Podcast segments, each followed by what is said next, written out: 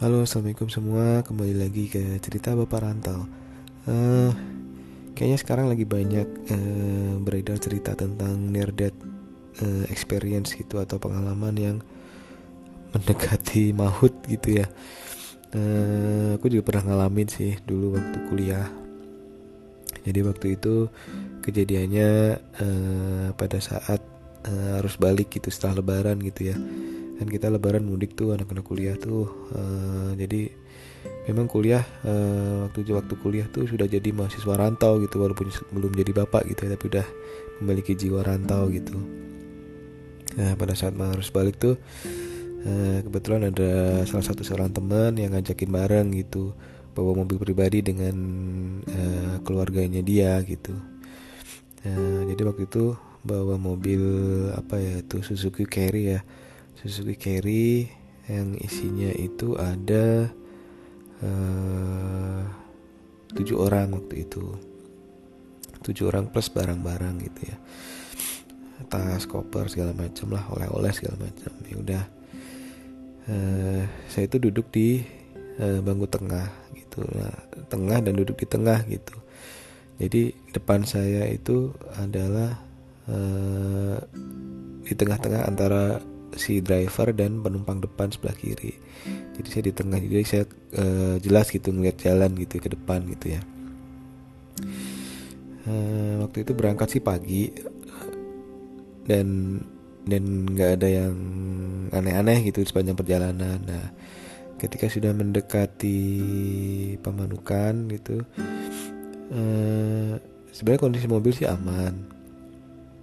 Cuman saya itu ada ngerasa yang aneh gitu bukan aneh apa ya ada yang nggak serak gitu di hati gitu dengan saudara teman saya itu gitu. Karena apa uh, karena kelihatan tuh ya uh, kalau driver atau sopir tuh uh, orang yang emosian tuh gimana nyetir gitu ya. Selalu apa ya nggak sabaran gitu emosi gitu. Nah dari situ aku udah ngerasa ada yang nggak enak di feelingnya gitu maka sempat ditegur uh, di di sama penumpang di sebelahnya itu masih aja gitu emosi gitu.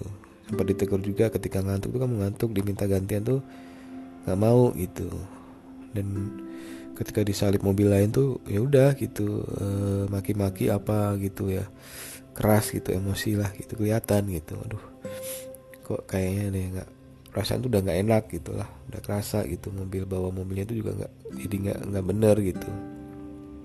Ya sampai di pemanukan tuh jam uh, mungkin jam-jam 9 10 ya. Nah dia karena nggak mau ganti uh, jadi sempat diganti sebenarnya sama penumpang di sebelah. Tapi justru uh, ketika dia jadi penumpang di sebelah itu nggak jadi nggak nyupir tuh justru dia yang manas-manasin gitu. Jadi walaupun dia nggak nyupir tuh masih aja emosi gitu dengan cara nyupir yang temannya sebelahnya itu gitu. Gimana sih gini-gini kok bisa disalip segala macam ya gitulah. Jadi serba salah gitu ketika dia nyupir juga emosi ketika dia nggak nyupir pun nyala nyalain yang supirnya juga gitu. Aduh gak enak banget lah perasaannya udah kelihatan gitu nih. Uh, ketika di sampai di mana ya pemanukan tuh uh, jadi ini belum ada jalan tol waktu itu ya. 2000 aduh 2000 berapa ya masuk kuliah tuh. Ya kelihatan umurnya nanti. Ya itulah pokoknya. Jika udah malam tuh semuanya udah pada tidur nih penumpang kecuali driver gitu tentu saja ya. Cuman aku ngelihat dari sepion tengah tuh udah kelihatan tuh matanya merah dan beberapa kali ngantuk gitu sopirnya nih dan sempat udah diingetin uh, penumpang di sebelah gitu istirahat dulu istirahat dulu gitu. Tapi ngeyel tetap ngeyel aja gitu melaju aja udah. Dan mobil carry yang kecil gitu ya. Nah suatu ketika uh, biasanya kan di Pantura itu ada uh, ada pembatas jalan di tengah tuh. Nah dari saat itu nggak ada tuh. Pas di saat nggak ada terus melaju kencang gitu ya. Dan kondisi memang lagi sepi gitu entah kenapa aku nggak bisa tidur gitu. Dan ngelihat jalan tuh kayaknya nih kok kayak nggak bener antara sadar nggak sadar dan nggak sadar gitu. Kejadiannya sangat cepat gitu. Langsung tiba-tiba loh, loh, loh, mobil kok berasanya semakin ke kanan ke tengah tengah tengah tengah gitu gitu. Ternyata supirnya ngantuk. Dan kejadiannya sangat cepat dan aku nggak bisa udah nggak bisa lagi negor si driver gitu tahu-tahu udah langsung nabrak. Ternyata di depan itu ada eh, apa namanya pemisah jalan yang dari beton. Pas di tengah-tengah mobil itu nabrak di situ. Dar. Barang-barang oleh-oleh semua buyar dari di dalam mobil itu. Saya sempat ketika melihat pas dia di tengah jalan dan di depan itu ada pembatas saya masih bisa uh, apa ya menyelamatkan diri gitu kayak wah ini nabrak udah dah ini nabrak gitu kan dalam hati. Langsung saya uh, ambil posisi kepala saya pegang kepala saya langsung uh, turun ke depan penumpang sebelah kiri saya gitu langsung di bawah joknya si penumpang depan gitu langsung saya lindungi kepala saya. Saya posisi uh, kayak sujud gitu di situ langsung saya refleks wah nabrak nih bener. Dar nabrak. Dan ringsek teman-teman ringsek bagian tengah mobil tuh ringsek semua. Dan alhamdulillahnya si driver tuh uh, ya pada saat itu panik kondisi kan.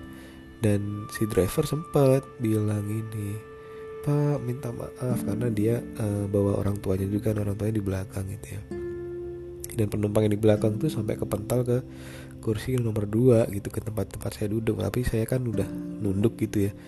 Dan teman-teman saya di sebelah kanan udah kegencet dari belakang.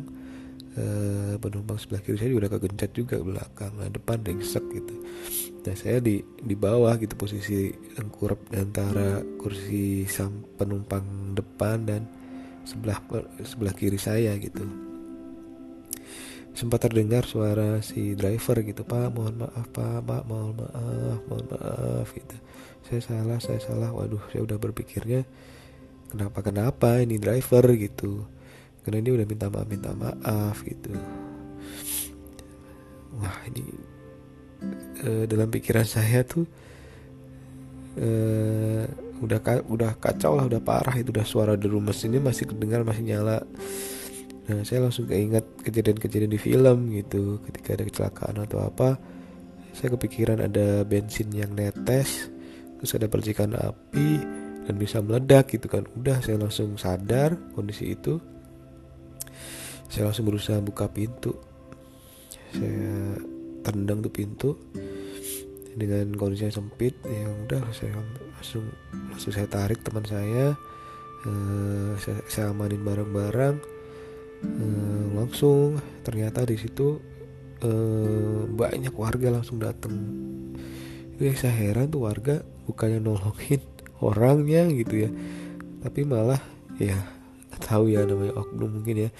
Malah mencari barang gitu. Untung saya langsung sadar saat itu ya. Langsung saya amanin semua barang-barang tas-tas yang kecil-kecil itu saya bawa saya tak buka pintu saya langsung amanin teman-teman. Teman saya orang-orang yang di dalam coba saya bawa keluar. Sini keluar keluar keluar. Saya tuntun saya saya uh, kita menepi di pinggir sawah gitu. Udah nggak tahu teman orang yang driver penumpang sama penumpang depan tuh aku udah nggak tahu tuh posisi seperti apa. Soalnya dia udah kegencet gitu antara dashboard depan dan kursi gitu. Karena kursi dia juga uh, ketabrak dari belakang apa uh, ketekan dari belakang gitu. Penumpang belakang gitu. Ya, dan dan akhirnya ya malam itu kondisinya kayak gitu udah sangat sangat ya bersyukur gitu dengan kondisi mobil yang riset seperti itu masih diberi keselamatan gitu. Nah itu sih uh, salah satu pengalaman yang aduh yang apa ya nggak bisa kelupakan sih. Itu benar-benar kalau seandainya aku nggak uh, ngeringkuk gitu ya di di di bawah mungkin aku terbental ke depan mungkin kayaknya. Dan udah nggak tahu lagi gitu kondisinya. Uh, itu sih teman-teman uh, pengalaman si bapak rantau waktu itu yang uh, mendekati maut gitu ya. Uh, alhamdulillah masih bisa selamat sampai sekarang. Dan bisa bercerita ke teman-teman semua.